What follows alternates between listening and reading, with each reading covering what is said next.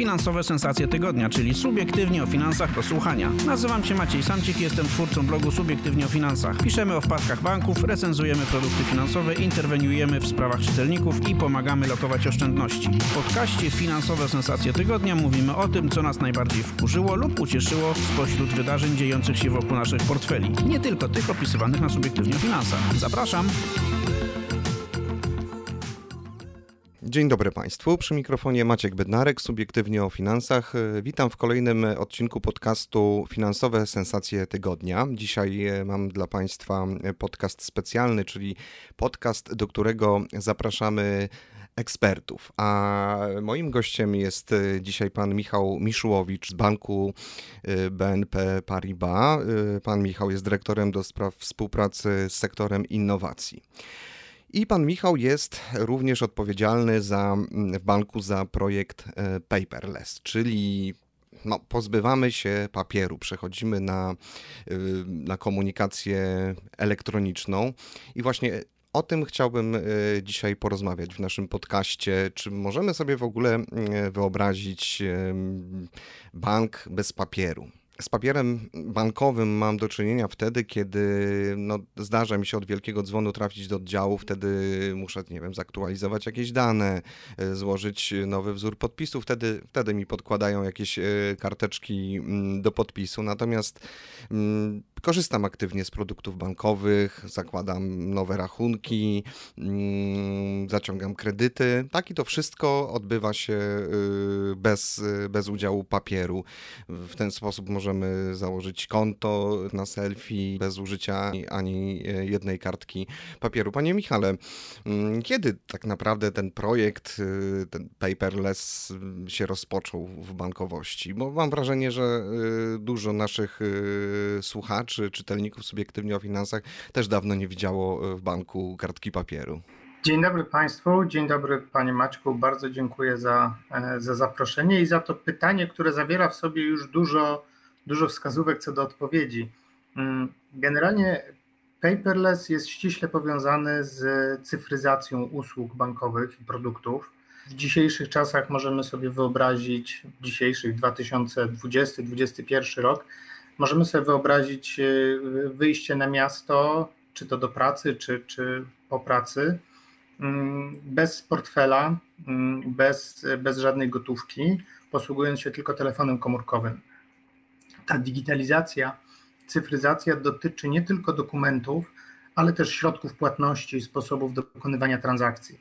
Tak naprawdę paperless jest e, elementem tej, e, tej cyfryzacji, który dotyka chyba najmniej sexy e, obszaru, czyli dokumentów, umów, tych wszystkich aspektów, które bardzo trudno jest e, zareklamować, e, pokazać, że jest się bardzo zwinnym, nowoczesnym, bo się tego konkretnie tego dokumentu czy tej umowy nie używa.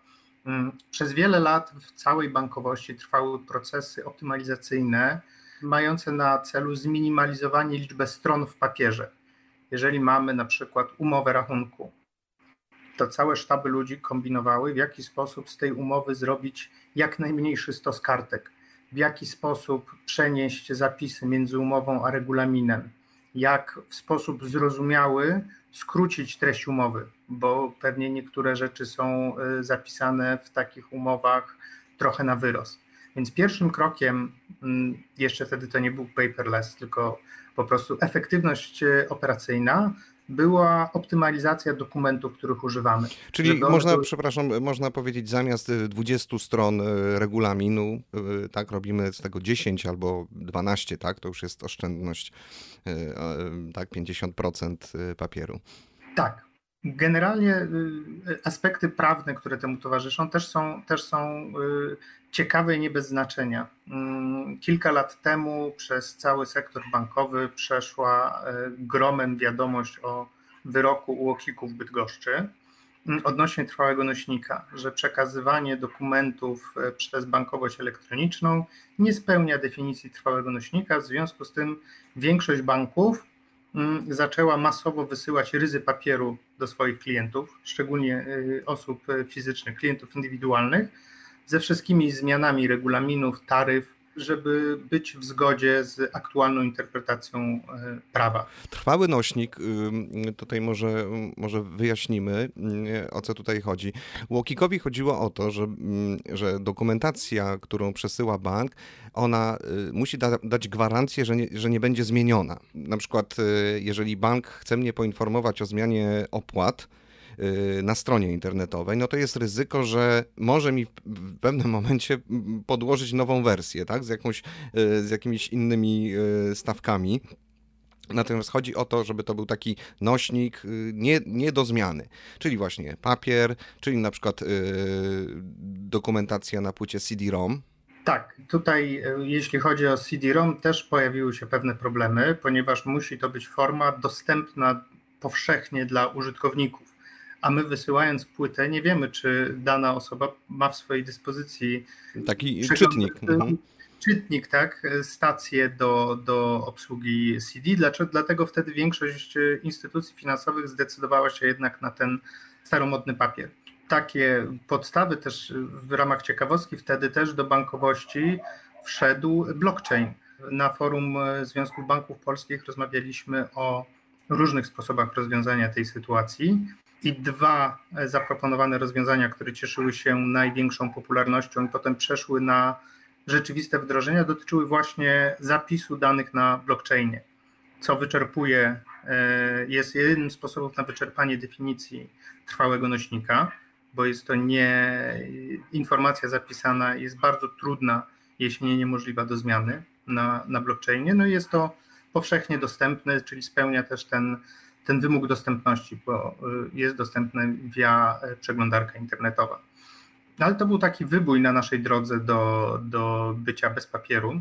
W ramach działalności bankowej y, mamy konkretne obowiązki informacyjne wobec klientów. Tutaj trwały nośnik jest jednym przykładem, ale kolejnym i też takim, który konsumuje bardzo, bardzo duże ilości papieru, jest wyciąg bankowy.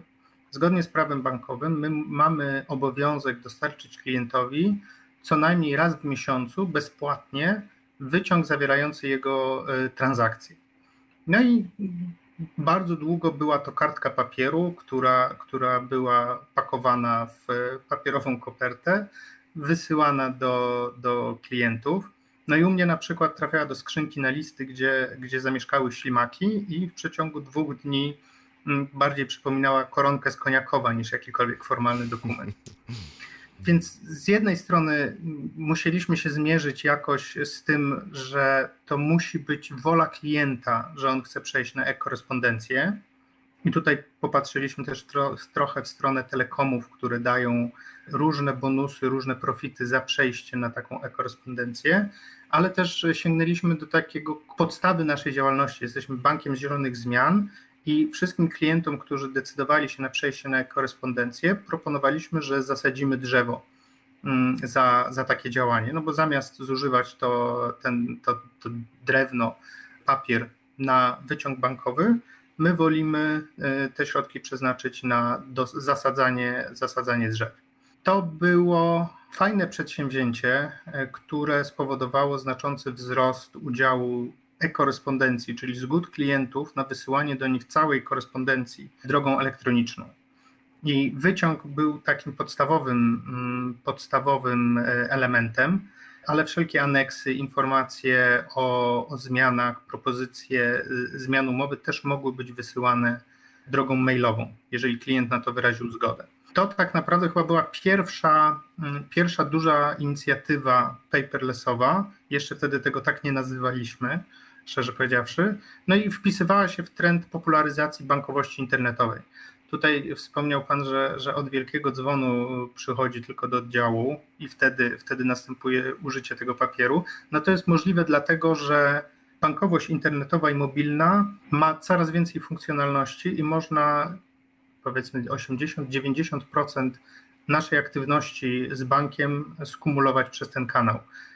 Pozostają znowu inne wymogi prawne, na przykład ustawa o przeciwdziałaniu praniu pieniędzy i finansowaniu terroryzmu, gdzie na bank jest nałożony obowiązek fizycznej identyfikacji e, klienta. No i jest to jedno z wyzwań, na przykład przy digitalizacji kredytu hipotecznego. gdzie my musimy chociaż raz tego klienta na kawę do oddziału zaprosić, mówiąc wprost po to, żeby go wylegitymować i spełnić wymogi e, ustawy. Ale czy wtedy potrzebny też jest papier? No i tutaj właśnie wchodzimy w tą mm, granicę pomiędzy ogólną cyfryzacją, cyfryzacją produktów, procesów, a byciem paperless.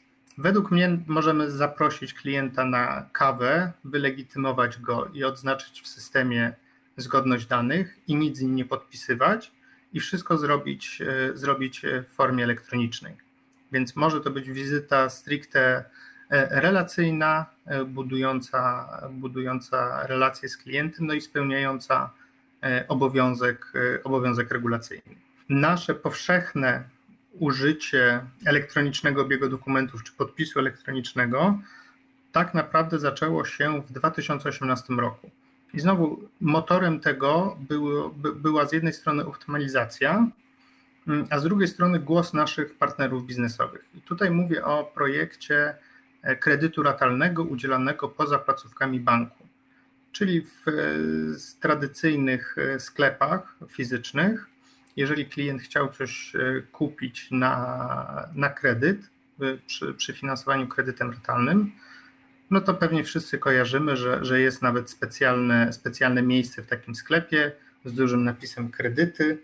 Można tam. Albo e, zakup, zakupy na raty. Dokładnie. No i wcześniej, przed 2018 roku, rokiem, funkcjonowało to bardzo standardowo. Były drukarki, takie igłowe jeszcze, które tak fajnie bzyczały na tym różowo-żółtym papierze. Drukowały nam całą masę dokumentów, z którymi z częścią musieliśmy się zapoznać, inne podpisać. Te dokumenty, jako że zawierały dane objęte tajemnicą bankową, e, dane wrażliwe, musiały być przechowywane w specjalny sposób, musiały być regularnie zabierane z tego sklepu przez konwój i e, zawożone do dedykowanego archiwum gdzie też w specjalnych warunkach musiały być przechowywane, o ile mnie pamięć nie myli, przez 10 lat od dnia ustania relacji. Czyli bardzo dużo miejsca, bardzo dużo zachodu dla tego świstka papieru wyplutego przez, przez drukarkę. I nasi partnerzy zwrócili się do nas z prośbą, żebyśmy ten problem jakoś, jakoś rozwiązali. I to była taka pierwsza rynkowa, biznesowa potrzeba zastosowania paperless. My w tym 2018 roku e, nawiązaliśmy współpracę z Autenti, które zrobiło dla nas proces zawierania umowy kredytu ratalnego w punkcie sprzedaży właśnie w formule e, paperless. I dlaczego tak trochę na okrągło o tym mówię? Ponieważ nie jest to całkowicie zdalny proces. To nie jest proces, w którym siedząc w domu, kupując przez stronę internetową, mogę od razu zapukać do banku po finansowanie tego tu chodziło o zastąpienie, mm, o wejście w ten kanał sprzedaży, który już istniał. Czyli my wiemy, że nasi wspólni klienci, nasi tego partnera sklepowego przychodzą do fizycznych placówek. Wiemy, że chcą sfinansować swój zakup kredytem ratalnym. No więc nie będziemy ich odsyłać do internetu, nie będziemy odsyłać ich z kwitkiem ze sklepu, mówiąc, że no tutaj zakończyliśmy oferowanie e, kredytu, ale zapraszamy na www tylko połączyliśmy te dwa światy. Czyli dokładnie tak jak w tym przykładzie kredytu hipotecznego. Klient przychodzi do tego punktu zakupy na raty czy kredyty, przechodzi cały proces z doradcą i składania wniosku, i badania zdolności kredytowej, czy y, oświadczenia o zarobkach. Natomiast wszystkie dokumenty, jakie są generowane w tym procesie, są y, wyświetlane klientowi na ekranie, a on podpisuje to przy pomocy kodu SMS. I tutaj pewnie też moglibyśmy e, chwilę porozmawiać na temat różnych narzędzi do podpisu, bo kod SMS jest tylko jedną z opcji, natomiast też wynika to z analizy rynku. Wiemy, że wszyscy mają ze sobą telefon, prawie wszyscy. Jeżeli kupują coś, e, jakąś elektronikę, czy, czy robią jakieś większe zakupy, z naszych badań wynikało, że 99% tych osób posiada telefon, e, telefon komórkowy. Natomiast poczty na tym telefonie elektronicznej, no już niekoniecznie. Ten odsetek osób aktywnie używających e-maila e, z komórki jest dużo mniejszy. Dlatego zdecydowaliśmy się użyć e, metody, która jest jak najbardziej, jak najbardziej dostępna. Czyli tutaj SMS, kod z SMS-a y, był, jest podpisem, tak? poświadcza osobę, która podpisała. Tak, mówiąc tak trochę kolokwialnie, jest podpisem. Natomiast identyfikacja osoby następuje w sposób standardowy. Należy pokazać naszemu doradcy w sklepie dowód osobisty, dane są wprowadzane do systemu, są sprawdzane, czy, czy, czy nie widnieją w bazie dokumentów zastrzeżonych, więc ten proces się absolutnie nie zmienił. Samo podpisanie dokumentu. I chodzi o to, że numer telefonu my weryfikujemy w trakcie tego przy składaniu wniosku, żeby wniosek został wysłany do banku w celu analizy. Klient musi podać kod SMS-owy doradcy, więc mamy pewność, że ta osoba posługuje się tym numerem telefonu komórkowego. No i ten sam kanał używamy do E, do złożenia podpisu. Często powtarzam, że, że wykorzystanie podpisów elektronicznych bardziej się wpisuje w taki trend legal tech niż fintech, bo tam dużo więcej jest aspektów prawnych niż, e, niż finansowych. Mhm. Ale powiedział Pan, że y, mniej osób ma, mm, ma ze sobą smartfona z dostępem do poczty elektronicznej. Czy poczta byłaby, y, w jaki sposób poczta by tutaj zadziałała? Przy użyciu e, poczty elektronicznej moglibyśmy zastosować dwa elementy potwierdzenia. Jednocześnie upewnić się, że adres, który klient nam podał, jest prawidłowy, że nie było tam żadnej literówki, że cały czas ma do niego dostęp. Niestety zdarzają się sytuacje w różnych międzynarodowych, popularnych serwisach internetowych, że użytkownik nie logując się, nie używając adresu mailowego, po prostu traci go po jakimś, jakimś czasie, nawet nie będąc tego zupełnie, zupełnie świadomym. Więc moglibyśmy tutaj ewentualnie zastosować ten drugi czynnik potwierdzający. My i tak wysyłamy te dokumenty e, na wskazany adres mailowy, tylko z, w domyśle z, w celu zapoznania się z nimi czy zarchiwizowania ich przez klienta już w domu na komputerze stacjonarnym. Oczywiście te pliki są też e, zabezpieczone przez, przed niepowołanym e, otwarciem. Tak jak mówiłem, zawierają dane objęte tajemnicą bankową, więc żeby się do nich dostać, należy też podać e, kody. Więc tutaj zabezpieczyliśmy sobie tą, tą pewność, że osoba otwierająca dany, dany zestaw dokumentów na pewno jest tą, która mieć do niego dostęp powinna. Kod z SMS-a. Tak. To był kredyt ratalny. I co dalej? Jak ten projekt paperless się rozwijał w banku? W tym momencie mieliśmy takie dwa, mm, dwa czynniki. Z jednej strony e, klienci przechodzili na korzystanie z e-korespondencji, czyli mogliśmy minimalizować liczbę papieru do wysyłania wyciągów, zawiadomień, zaświadczeń, podnagleń i innych dokumentów. Z drugiej strony zobaczyliśmy, że działania sprzedażowe też można, też można prowadzić elektronicznie, nawet jeżeli są fizyczne. Ten sklep, y, w którym, w którym spotyka się i bank, i klient, jest bardzo fajnym przykładem, bo no nie jest to coś, o czym myślimy na początku, jak mówimy digitalizacja. Wszyscy mamy w głowie właśnie e-commerce, zakupy z poziomu przeglądarki. Mając te dwa fakty, no zaczęliśmy badać, które procesy jeszcze możemy w ten sposób zagospodarować. W 2019 roku Tutaj Pan wspomniał o koncie na selfie. Mm, właśnie w 2019 roku uruchomiliśmy usługę konto otwieracz, w ramach której można było zdalnie otworzyć rachunek, identyfikując się swoim zdjęciem i zdjęciem dowodu osobistego. No i sam dokument, te same dokumenty związane z rachunkiem też były podpisywane via e, Authentic. Tutaj proces był tak ułożony, że najpierw wchodziliśmy w posiadanie i potwierdzenie adresu mailowego, i telefonu numeru, numeru telefonu komórkowego, więc mieliśmy te dwa e, wyznaczniki niezbędne do, do złożenia podpisu i udowodnienia, że należą one do konkretnej osoby. Wcześniej było to poparte wideoweryfikacją e, twarzy i dokumentu. No i to też zaczęło działać. I tutaj trochę jako, że cały czas mamy w Polsce sporo, e, sporo osób niekorzystających z internetu, czy, czy sceptycznie nastawionych do urządzeń elektronicznych, cały czas utrzymujemy równoległe kanały. Czyli w przypadku kredytu ratalnego można go zrobić bez papieru, ale jeżeli klient nie ma ze sobą telefonu, klient nie, nie czuje się pewnie przy użyciu tej technologii, może to zrobić tradycyjnie na, na, na papierze. Tak samo przy zdalnym otwieraniu rachunku. mamy w tym procesie również identyfikację tożsamości przy pomocy kuriera.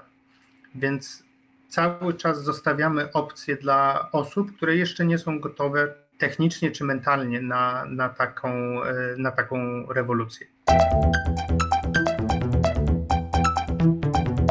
Jakie efekty y, przynosi projekt Paperless? Mam na myśli efekty ekologiczne. W jaki sposób wprowadzenie tego projektu w BNP Paribas się przełożyło na, mm, na oszczędności papieru?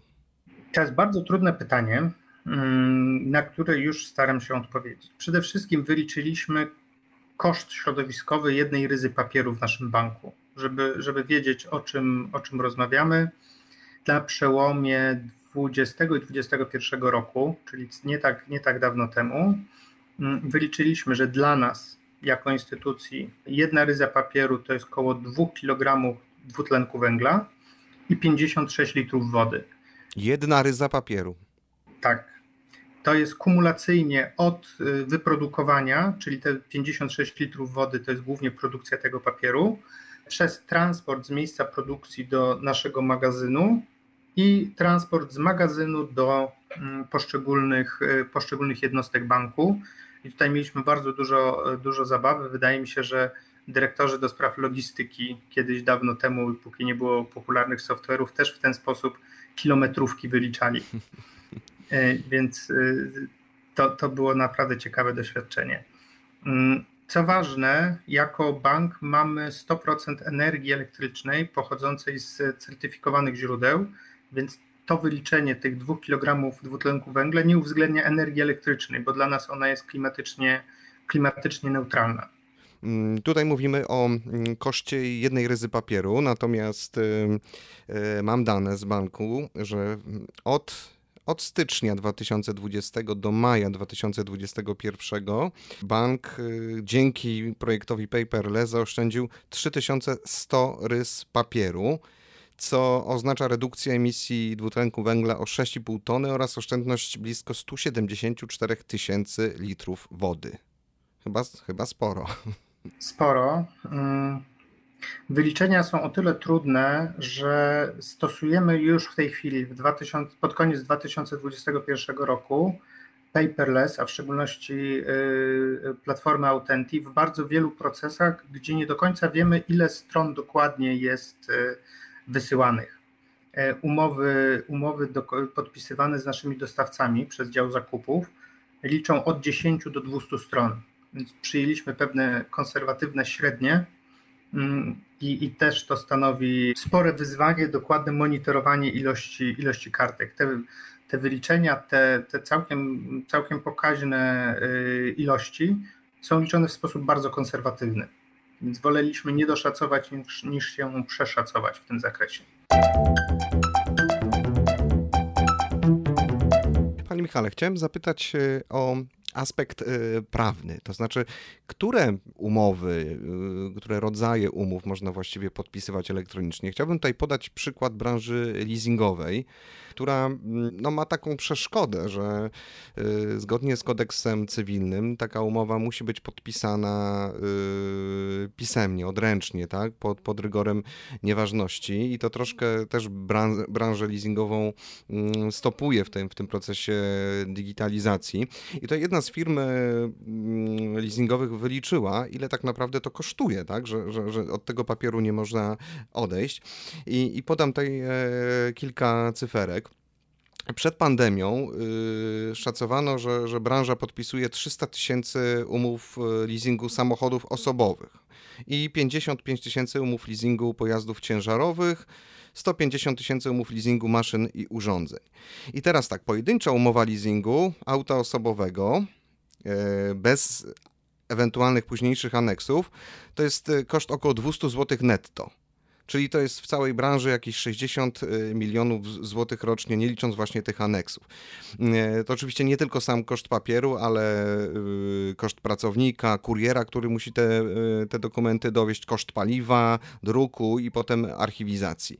No i szacuje się, że to pochłania jakieś 100 milionów złotych rocznie w skali całego sektora leasingowego. Można byłoby tę barierę pokonać, no gdyby odpowiednia zmiana zmiana w kodeksie cywilnym się pojawiła. Ja wiem, że, że już prace trwają, e, żeby tę barierę e, znieść, ale jak jest e, w sektorze bankowym? Czy tutaj mamy jakieś rodzaje umów, które muszą być podpisane standardowo odręcznie? To mam dwie wiadomości, dobrą i bardzo dobrą, tak dla odmiany. Dobra jest taka, że forma pisemna, która jest zarezerwowana dla niektórych czynności, takich jak na przykład umowa leasingowa, wcale nie oznacza konieczności zastosowania podpisu mokrego. Równie dobrze możemy użyć w tym celu podpisu kwalifikowanego, mm, który jest coraz popularniejszy na rynku. My w 2019 roku pod koniec uruchomiliśmy usługę paperless leasing, gdzie można zawrzeć umowę umowę leasingu, osoba fizyczna i e, osoba fizyczna prowadząca działalność gospodarczą może taki leasing podpisać jednorazowym podpisem kwalifikowanym, czyli bez, bez tej ani jednej, ani jednej kartki papieru e, w formule paperless. Banki są powiedzmy trochę uprzywilejowane. Mm, w 2020 roku bodajże weszła nowelizacja przepisów, które pozwalają nam stosować podpis zaawansowany przy wykonywaniu czynności bankowej, których lista jest, e, wynika z prawa bankowego, mm, i wtedy jest to traktowane jako forma e, pisemna, czyli mocą ustawy podnosimy rangę tego podpisu o jedno oczko wyżej. Nie ma właściwie, przynajmniej ja sobie nie mogę przypomnieć, takiego dokumentu, który jest używany w banku, który nie mógłby być podpisany podpisem kwalifikowanym. Bo zgodnie z prawem podpis kwalifikowany jest równorzędny podpisowi odręcznemu i pozwala zachować tą formę pisemną. E, to jest ten największy, największe wyzwanie prawne e, pomiędzy formą dokumentową e, umowy a formą, formą pisemną. Forma pisemna jest zarezerwowana dla kilku czynności, umowa leasingu, ale też przejęcie majątkowych praw autorskich, czy umowa o pracę. I w skrócie zawsze pojawiało się, no to w takim razie musimy to podpisać na papierze. Jeżeli jest forma pisemna, no to od razu kojarzymy pisanie, podpis mokry, zapraszam do biura, spotkamy się, podpiszemy.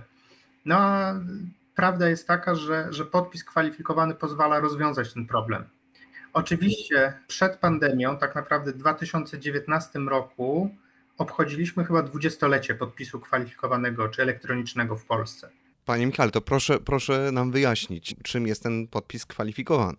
Podpis kwalifikowany jest to specjalna wersja podpisu elektronicznego, który jest wydawany przez podmioty certyfikowane.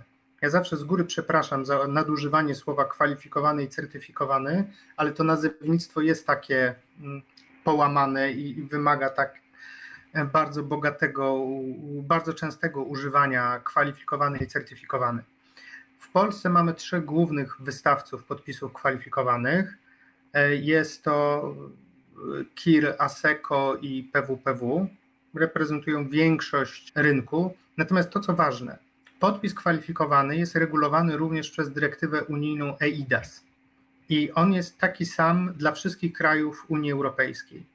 I możemy swobodnie w Polsce posługiwać się podpisem kwalifikowanym wystawionym w Niemczech czy we Włoszech, które to kraje są dużo bardziej rozwinięte pod kątem e-podpisów. Po prostu tam ta ewolucja cyfrowa poszła troszeczkę inaczej i dużo wcześniej, w dużo szerszym zakresie zaczęli wykorzystywać podpisy, podpisy elektroniczne, podpisy kwalifikowane. Więc dostawcy też e, zaczęli ewoluować swoje produkty tak, żeby odpowiadały na potrzeby rynku. Mm, dla przykładu, e, we Włoszech zdalne, zdalne potwierdzenie tożsamości dla wystawienia podpisu kwalifikowanego jest dostępne od wielu lat, podczas gdy w Polsce zostało umożliwione ze względu na lockdown e, w 2020 roku.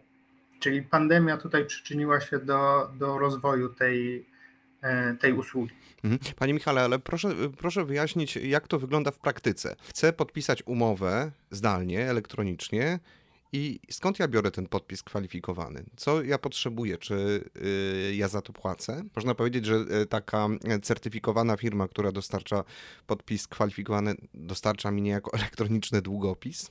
Tak, w dużym skrócie tak. Mm, podpis, podpis kwalifikowany wydawany jest dla konkretnej tożsamości, czyli musi nastąpić identyfikacja przyszłego użytkownika tego podpisu, bo podpis jest powiązany z danymi takimi jak imię, nazwisko i numer PESEL, przynajmniej w Polsce, i daje niezaprzeczalną właściwie gwarancję, że ten podpis został złożony przez tą osobę. Żeby to zapewnić, należy przeprowadzić weryfikację. E, weryfikacje odbywały się albo w punktach stacjonarnych, czyli jeżeli chciałem kupić podpis kwalifikowany, to udawałem się do punktu stacjonarnego, gdzie legitymowałem się dokumentem tożsamości, wypełniałem kwitek, podpisywałem, że jestem świadomy y, kar za podanie nieprawidłowości danych itd., tak itd. Tak wypełniałem wszystkie, y, wszystkie wymogi formalne i dostawałem certyfikat podpisu kwalifikowanego. I jeszcze do niedawna taki certyfikat dostawałem razem z kartą kryptograficzną i czytnikiem. I pewnie y, ci, którzy rozliczali ZUS przez płatnika, wiedzą o co chodzi trzeba było podłączyć zewnętrzne urządzenie do komputera, potem włożyć kartę, wpisać PIN, a przynajmniej spróbować, żeby sobie go przypomnieć, bo się tego raz w miesiącu przy, przy właśnie rozliczeniu ZUS-u yy, używało. No i, i ten certyfikat miałem powiedzmy w kieszeni.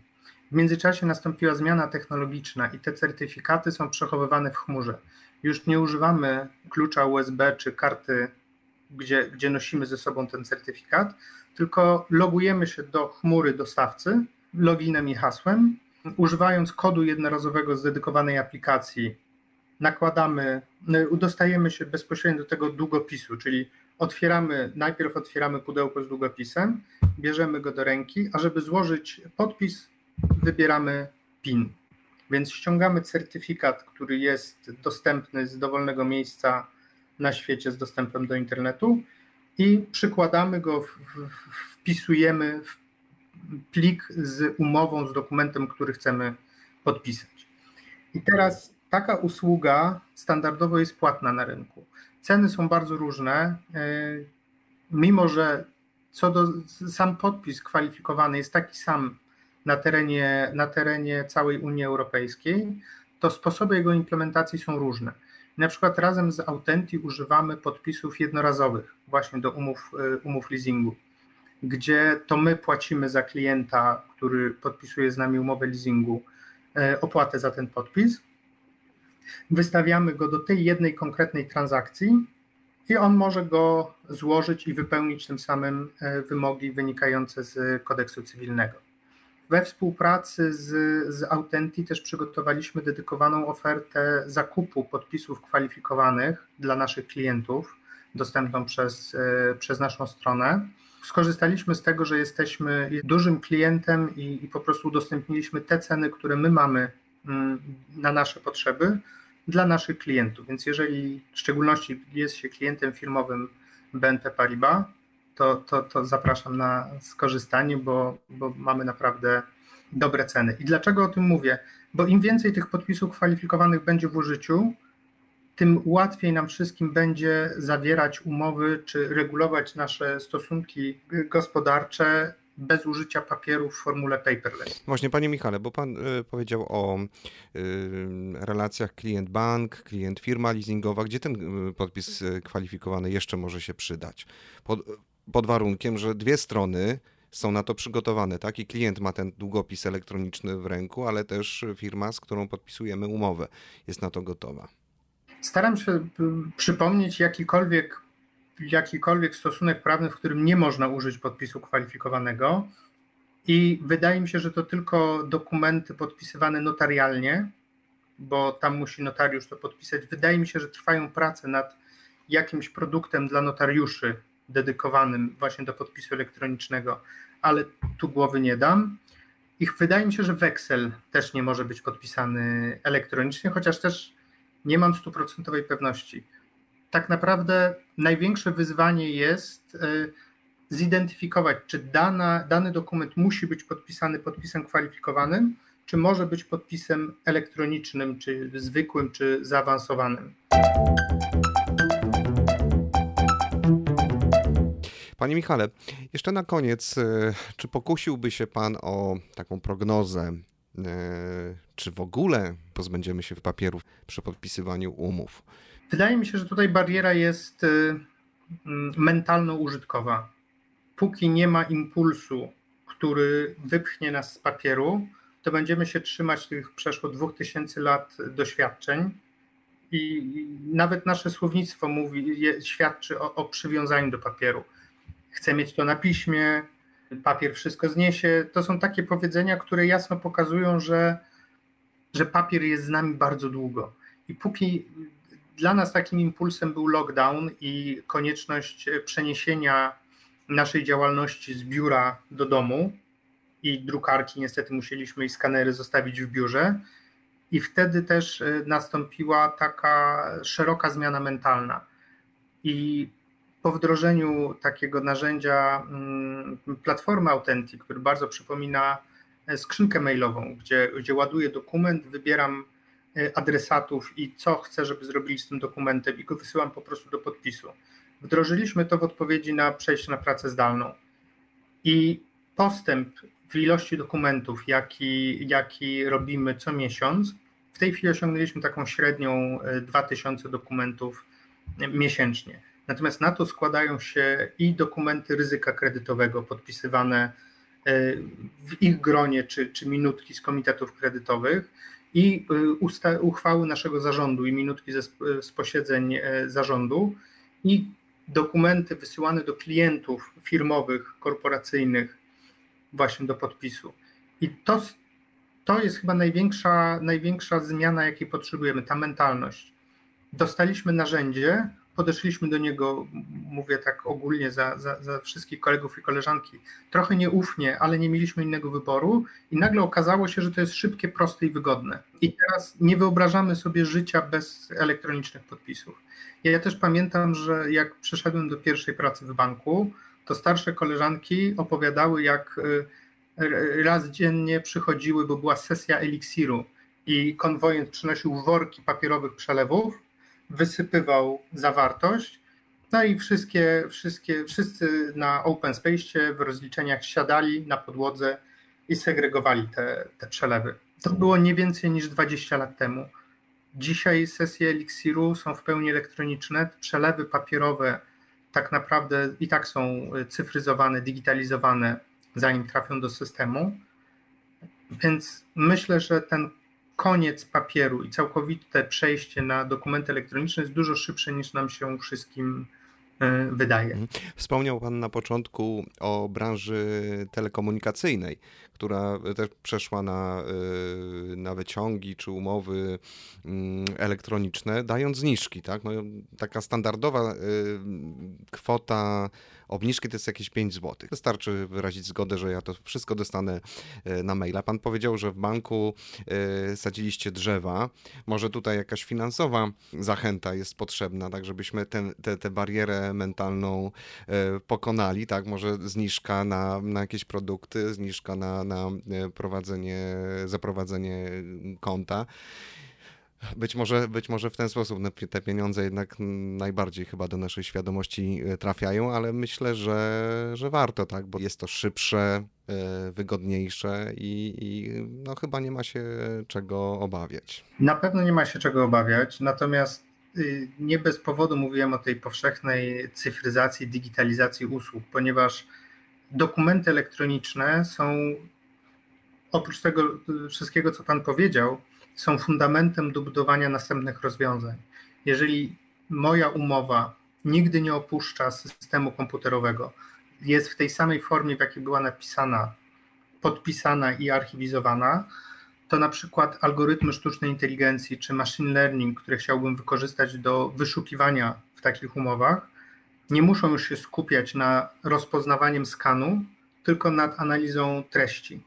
I to jest kolejny, kolejny element tej bezpapierowej przyszłości, czyli dokumenty nie jako e, plik, tylko jako dane, na których można pracować, można, można je e, analizować, mieć e, kwerendy na przykład różnych klauzul przez, przez czas pięciu lat, dziesięciu lat. Coś, co normalnie zabierałoby miesiące, jeśli nie lata w opracowywaniu, w rozpoznawaniu skanów i tak dalej przy zastosowaniu dokumentów elektronicznych będzie szybkie, łatwe i przyjemne.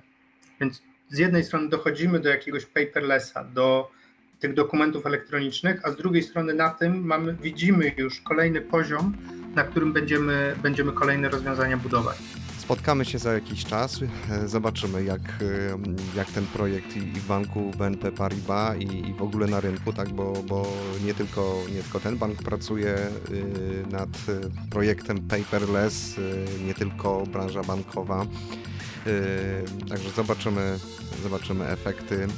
Moim gościem był pan Michał Miszułowicz, dyrektor do spraw współpracy z sektorem innowacji banku mm, BNP Paribas, odpowiedzialny za projekt Paperless. Dziękuję bardzo. Dziękuję. A ja zapraszam do wysłuchania kolejnego odcinka podcastu Finansowe Sensacje Tygodnia już za tydzień.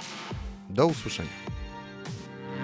Inne odcinki tego podcastu znajdziesz na stronie Subiektywnie o Finansach www.subiektywnieofinansach.pl. Zapraszam!